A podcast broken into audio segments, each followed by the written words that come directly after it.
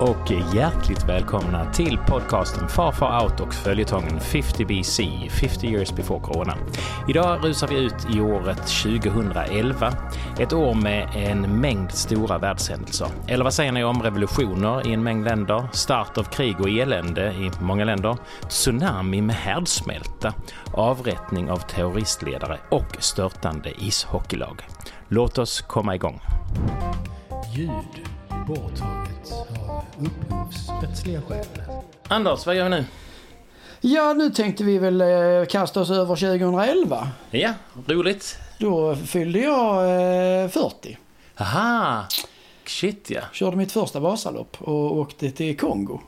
Oj. Eh, givetvis helt oberoende av varandra. Ja, ja. Jag körde alltså inte skidor ner till Kongo. Men det, innan vi börjar så bara... I förra avsnittet, du har säkert inte lyssnat eh, på det, men om då 2010. Då hade vi skitroligt åt eh, några gruvarbetare i Chile, kommer du ihåg det? Ja, de som de skickade ner porrfilm till. De, de satt fast, så borrade man ett hål och skickade ner mat och dryck och porr. Ja, de har hört av sig allihopa och tycker att vi är jättetaskiga att eh, vi har retade dem. Eh, men på, i det avsnittet om 2010, kommer du ihåg vad vi valde som eh, årets händelse? Ja, det måste ju ha varit det. Nej, men vi valde eh, vulkanutbrottet på Island som årets händelse. Ja. Hattafnattajökull eller vad? Ja, just det. Och samma år så var det en jordbävning på Haiti som tog död på 150 000 människor. Och den nämnde vi inte ens som en ett möjlig... det är väl rätt dåligt. Det är ju, finns ju, det är också när man går igenom det här så att vi skulle ju kunna fylla de här Ja. avsnitten under vissa Ja. årtionden med eländes elände från Kabul och från Beirut och, och, och det... Ja. Ja, det, det försvinner i skvalet på något sätt. Ja. Hattafnattajökulls eh, utbrott det minns ju folk för att de fastnade i Egypten och på Cypern och kom inte hem från sina semestrar. Yes. Vi kör nu 2011. Vad har du på det året då? Ja, vi börjar i januari.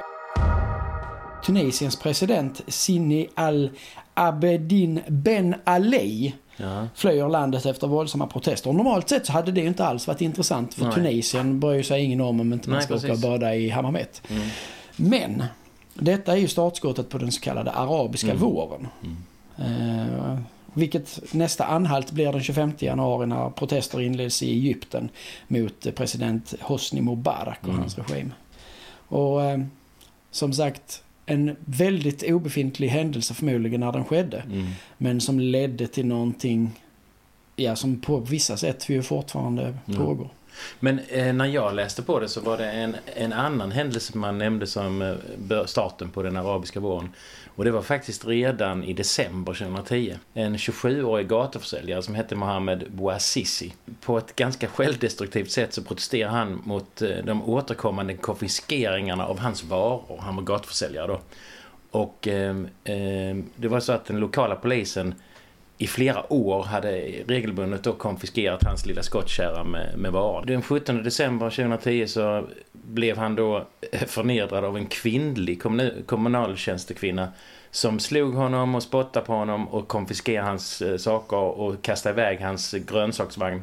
Och då gick Bouazizi till guvernörens kontor för att klargöra guvernören sket i det. Han ville inte lyssna på dem. Och då köpte han en flaska bensin och dränkte sig i den vätskan och eh, utanför en lokal myndighetsbyggnad och tände eld på sig själv.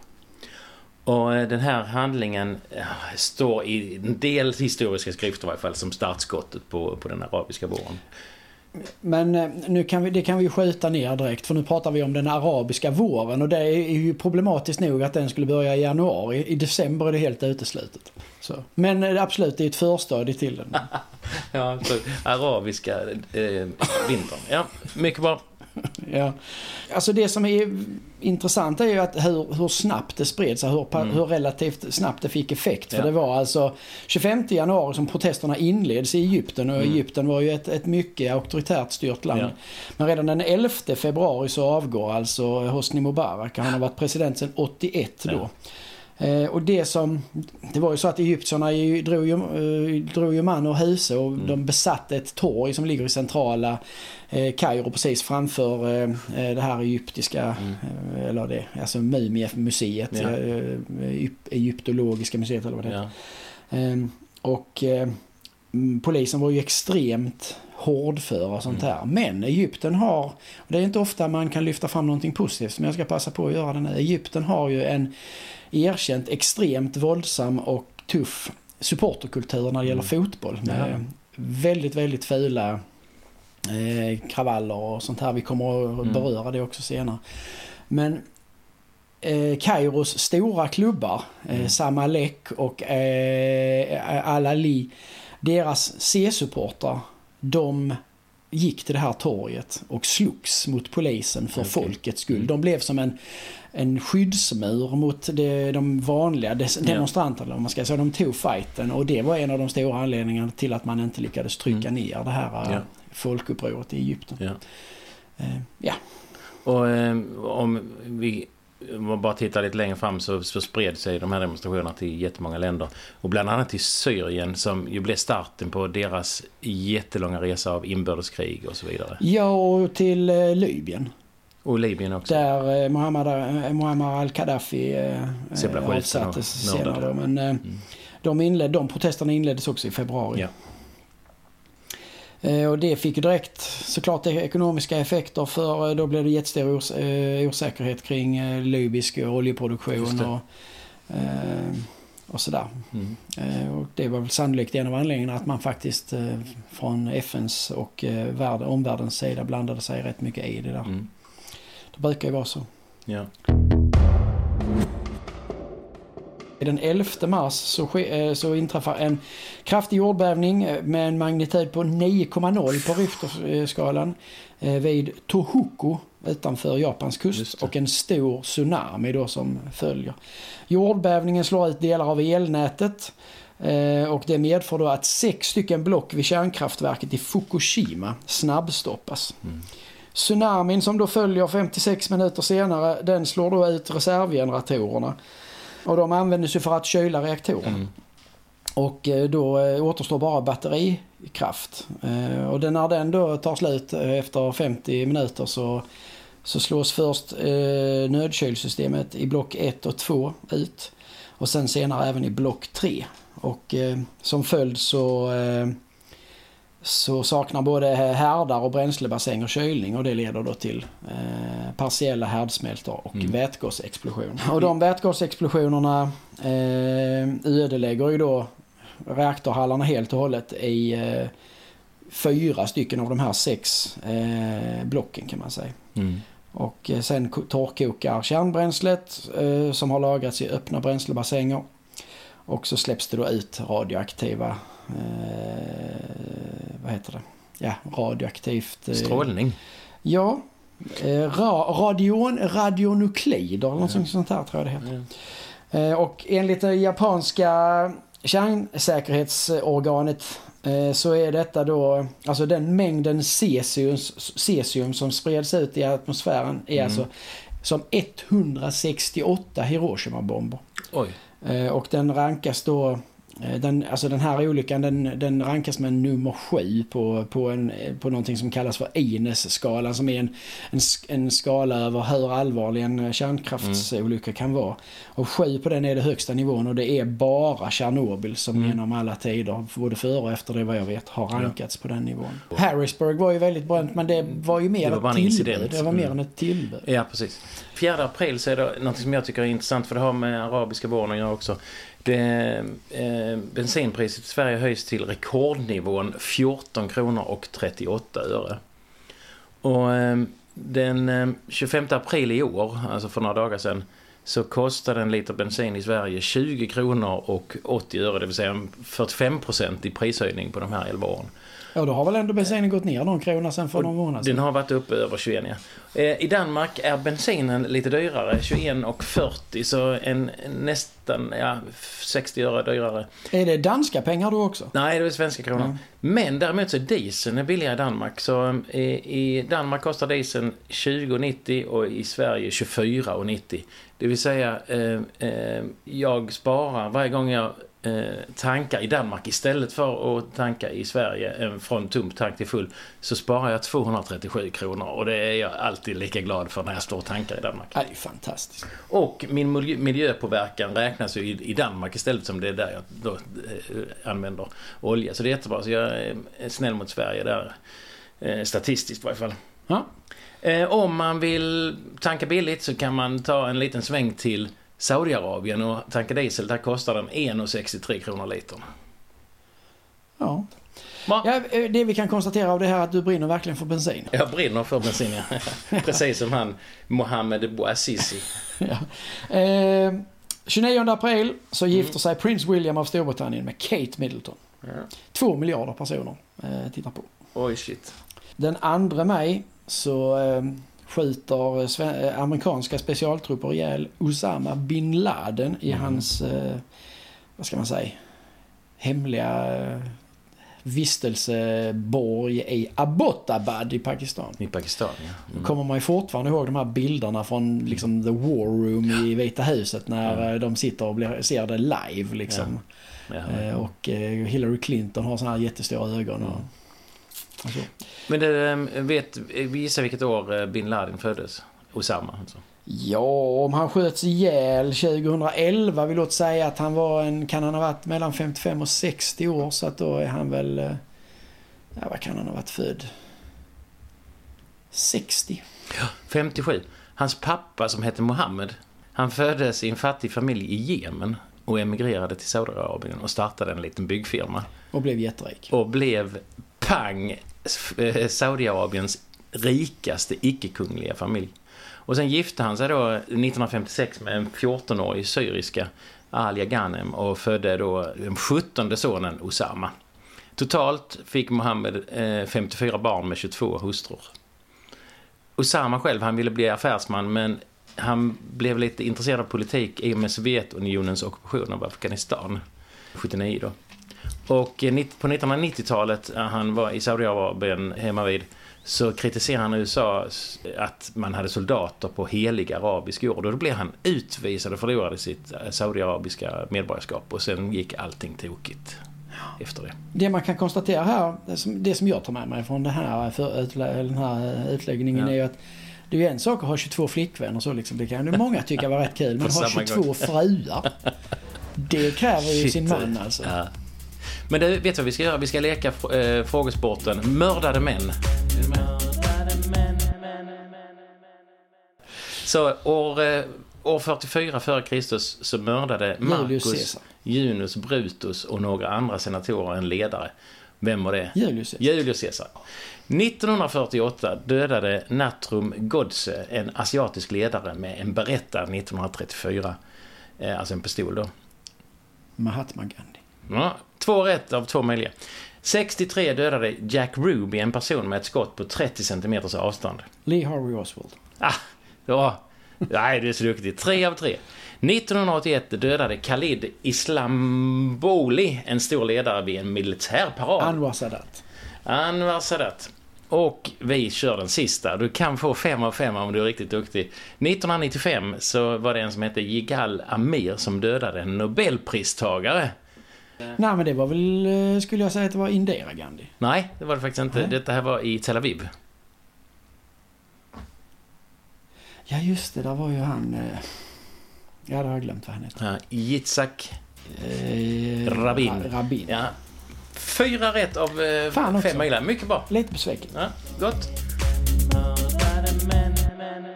Den 26 maj så greps Ratko Mladic. Han han eh, greps i en by i norra Serbien. Och Mladic han var då efterlyst misstänkt som befälhavare under eh, Bosnienkriget. Och att han då ska ha varit, eh, eller han var inte misstänkt för att vara eh, befälhavare, för det var han ju faktiskt. Men han var misstänkt för att vara ansvarig för folkmordet på bosniaker i Srebrenica.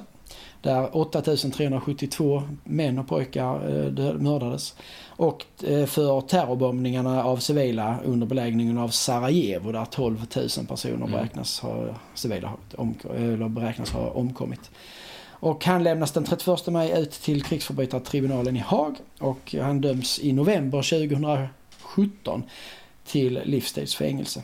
Och då är han fälls på 10 av 11 åtalspunkter. Han blir då den tredje av det här eh, serbiska toppskiktet som, eh, som åtalas. Slobodan Milosevic är den första men han blir aldrig dömd för han dör innan han Ja. eh, blir dömd. Och sen Radovan Karadzic. Han döms ju då till livstid också. Mm. Eh, så några har fått eh, stå Ja, mål får. för vad de gjorde i alla fall.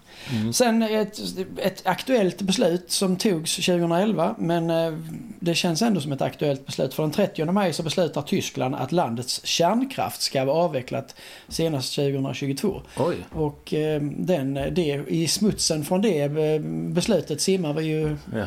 nu, Men oj. känner jag. Ja, verkligen. Den 21 juli så landar Atlantis på Kennedy Space Center och det är då den sista gången en sån här rymdfärja används. Så rymdfärjeprojektet som NASA har Mm. haft i x antal år det eh, avslutas där och då. Det tycker jag är tråkigt. Jag tyckte det var coolt med de här rymdfärgerna. Ja men de, det gick ju sådär för dem Ja, ja, många gånger. Så att, Mm.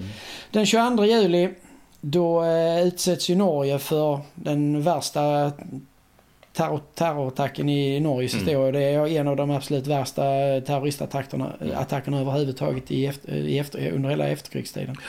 32-åriga Anders Bering Breivik ska bara säga det att när någon där nere i Mali, jag kommer inte ihåg vem det var, när de hörde jag hette Anders så sa han på fullt allvar att ja, jag tycker du liknar honom lite. Oj.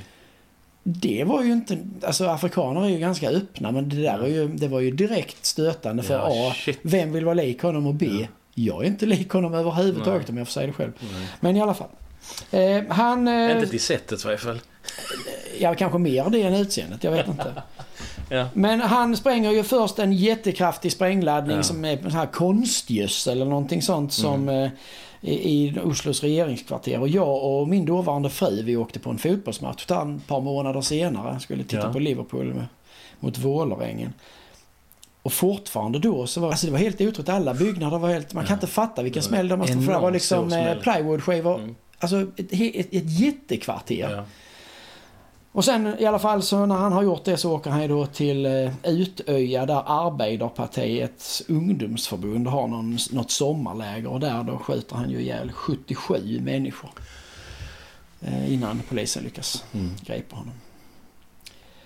Eh, och eh, då kan man inte låta bli att tänka Tänk om detta hade varit en svensk. För den 27 juli till 7 augusti så organiserar World Organi- Organization of the Scout Movement den 22 världsjamboreen i Kristianstad.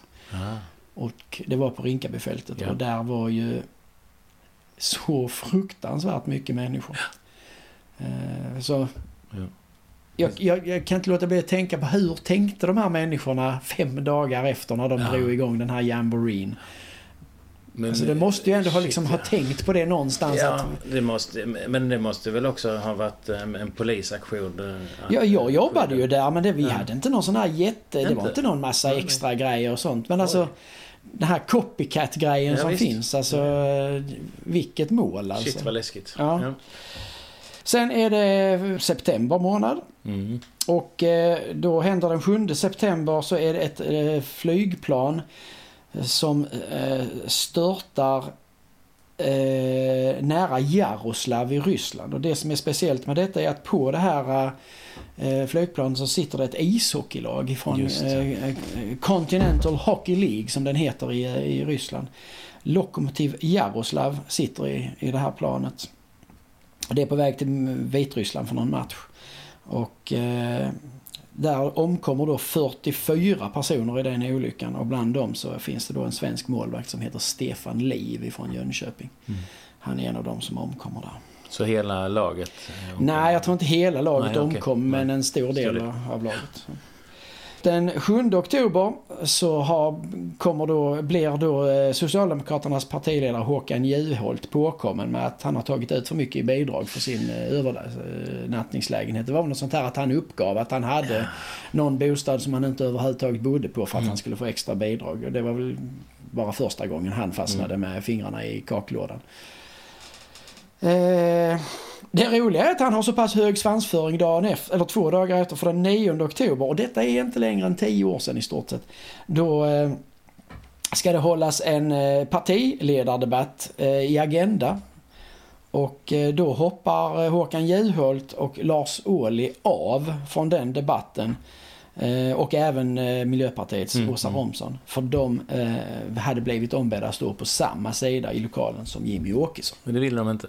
Nej, då ställde inte de Mm. upp och nu så ligger alla och typ eh, i sked, ligger sked med honom. Vilket Mm. eh, för mig är eh, ganska häpnadsväckande omsvängning. Och du vet vad jag tycker att det är precis samma precis samma utveckling som i grannlandet Danmark. Klart att det är. Så- Det är samma utveckling som i alla länder. Vi så höll på, jag var rejält svettig här för bara en vecka sedan om att eh, Marine Le Pen faktiskt skulle Ja, vinna i Frankrike och spoliera hela EU i stort Mm.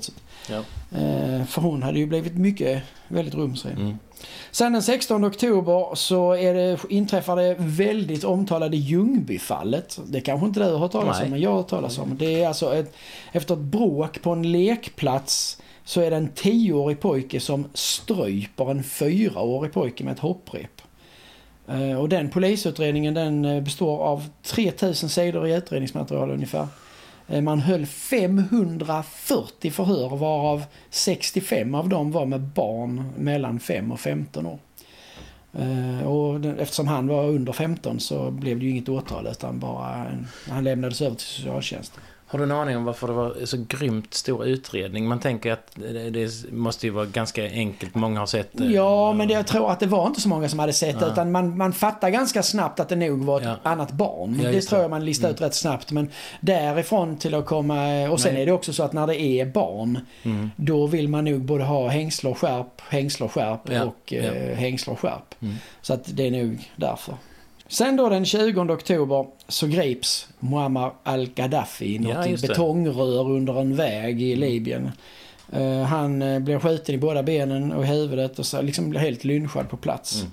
Mm. Eh, Det de minns man bilderna- bilder från. De bilderna kablas ju ut över Mm. hela världen. Den 23 oktober så är det också parlamentsval i Schweiz. Vad vet du om liksom politiken i Schweiz? Att det är en direktdemokrati där, man, alltså, där befolkningen röstar om jättesmå grejer. Det är det, det jag vet, men inte. Precis. Det, det, det är ganska intressant hur de kan skilja sig så mycket. För det är som du säger, det är en förbundsrepublik. Och det består Mm. ju då av 26 stycken olika delstater, eller man säger, kantoner. Mm. Och de har jättemycket eh, alltså med, Makt, eller ja. egen bestämmande rätt kan man säga. Eh, De har, ingen, de har ingen statsminister utan de har en förbundspresident och han väljs varje år. Ah. Och i... eh, Och det som du säger, det här, de har ju väldigt mycket makt. Alltså man har i vissa, i vissa av de här staterna så kör man även Eh, alltså har man det här som kallas för folkinitiativ, att de kan eh, tvinga fram en folkomröstning om, om eh, både det ena och det andra. Och det gör att Schweiz är de som har haft särklassigt flest folkomröstningar eh, i hela världen. Eh, och alla som, är, eh, som har fyllt 18 de får ju rösta både i de här kommunala eller de här regionala valen och i, eh, i de federala valen. En annan sak som är intressant, de kvinnor fick rösträtt 1971. Oj. Det kan man inte, man tänker sig att Schweiz är extremt liberalt och sånt där. Sen är det också en sån grej att det finns ett par av de här, par av de här eh, delstaterna så har man, då har man verkligen så kallad direktdemokrati. Då samlas befolkningen på torget och så röstar man med handuppräckning. Eh, så Schweiz skiljer sig faktiskt rätt mycket från eh, det mesta vi känner till om demokrati och därför tyckte jag det var lite intressant att, att ta upp det. Och jag tycker ju att hör, det är jättekorkat att delegera makten till befolkningen. För genomsnittsbefolkningen är ingen bra på att bestämma, tror jag. Och här Nej. har man, har man det och, och jag vet, det hade varit kul att se någon genomgång hur väl det lyckas. Men om vi säger så här, om jag ska ställa en fråga till dig. Hur många av genomsnittsriksdagsmannen i Sverige tycker du är jättebra på att bestämma? Tror du? Alltså om du bara höftar, hur många av dem är egentligen lämpade? Nej.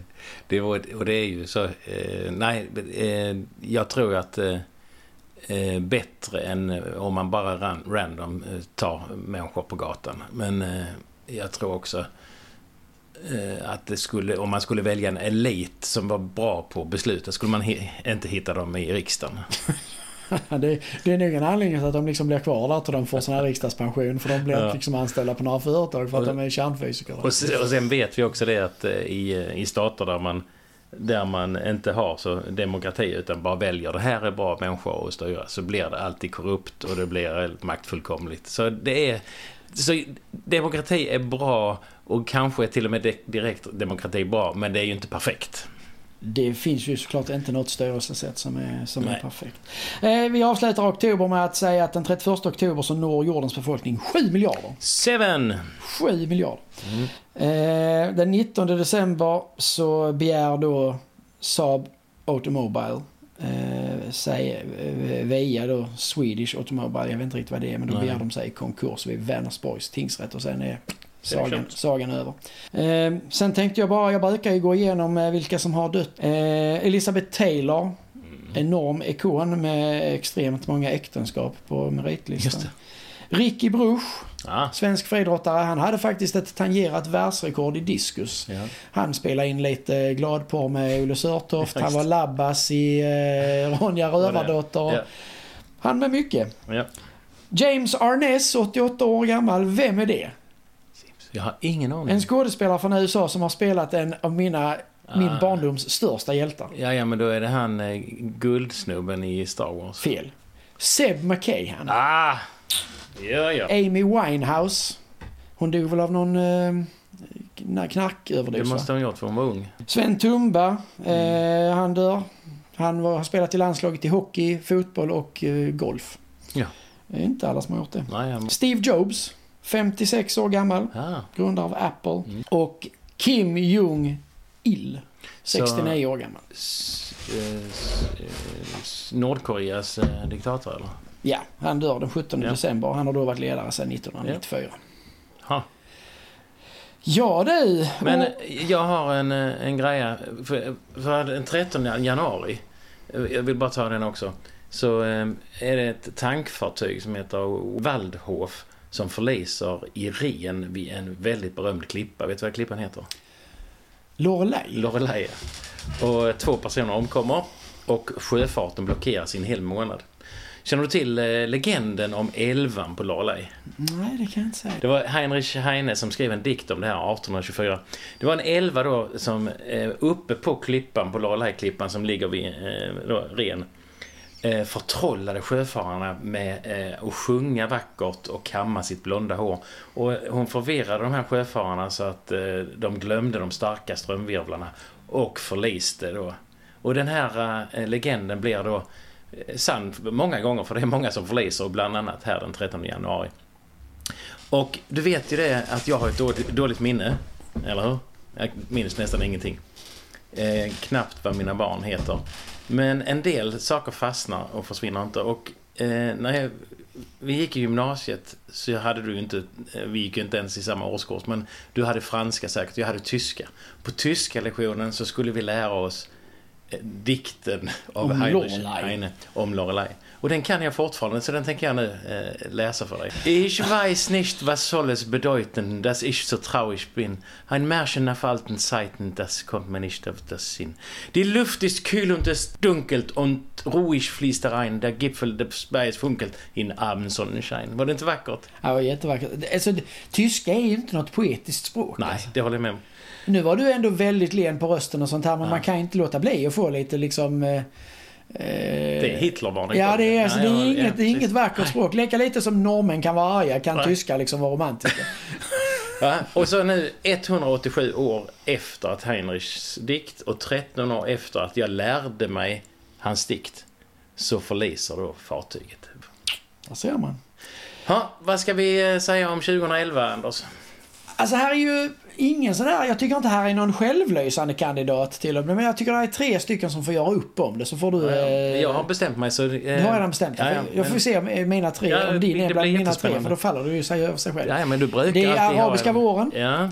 Eh, och den är ju inte liksom en specifik händelse Nej. utan hela Precis. våren. Som nu då tydligen började i... Plus vinter. att jag säger att den började i december för året innan. Ja. Eh, det är Fukushima.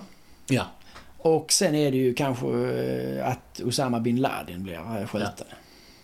Och det är, det är viktiga händelser alltihopa, men det är självklart den arabiska våren som, eh, som är så enormt stor. Där är folk som blir mördade, där är länder som försvinner, där är krig som startar som fortfarande inte är slut utifrån eh, den här eh, våren. Så jag tycker det är helt självklart att det är den Ja. arabiska våren. Då klappar vi det då. Klappat och Arabiska klart. våren. Tackar.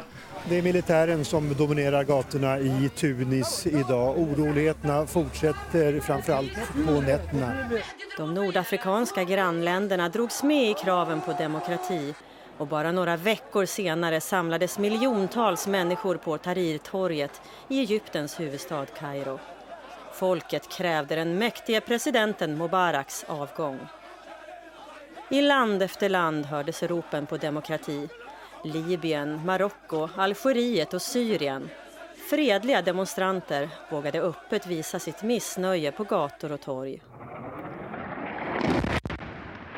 Men svaret från regimen blev i flera fall både hårt och skoningslöst. I Syrien har protesterna kvävts av ett blodigt krig med hundratusentals döda och miljoner på flykt. I det här landet är arbetslösheten idag uppemot 40 procent. Folk har ingenting att göra, turismen är borta, terrorismen har tagit över. Och Jemen, det kanske fattigaste landet i regionen, är nu en fasansfull humanitär katastrof. Den arabiska vårens hopp har förvandlats till förtvivlan och demokratins förkämpar har nu nästan helt tystnat.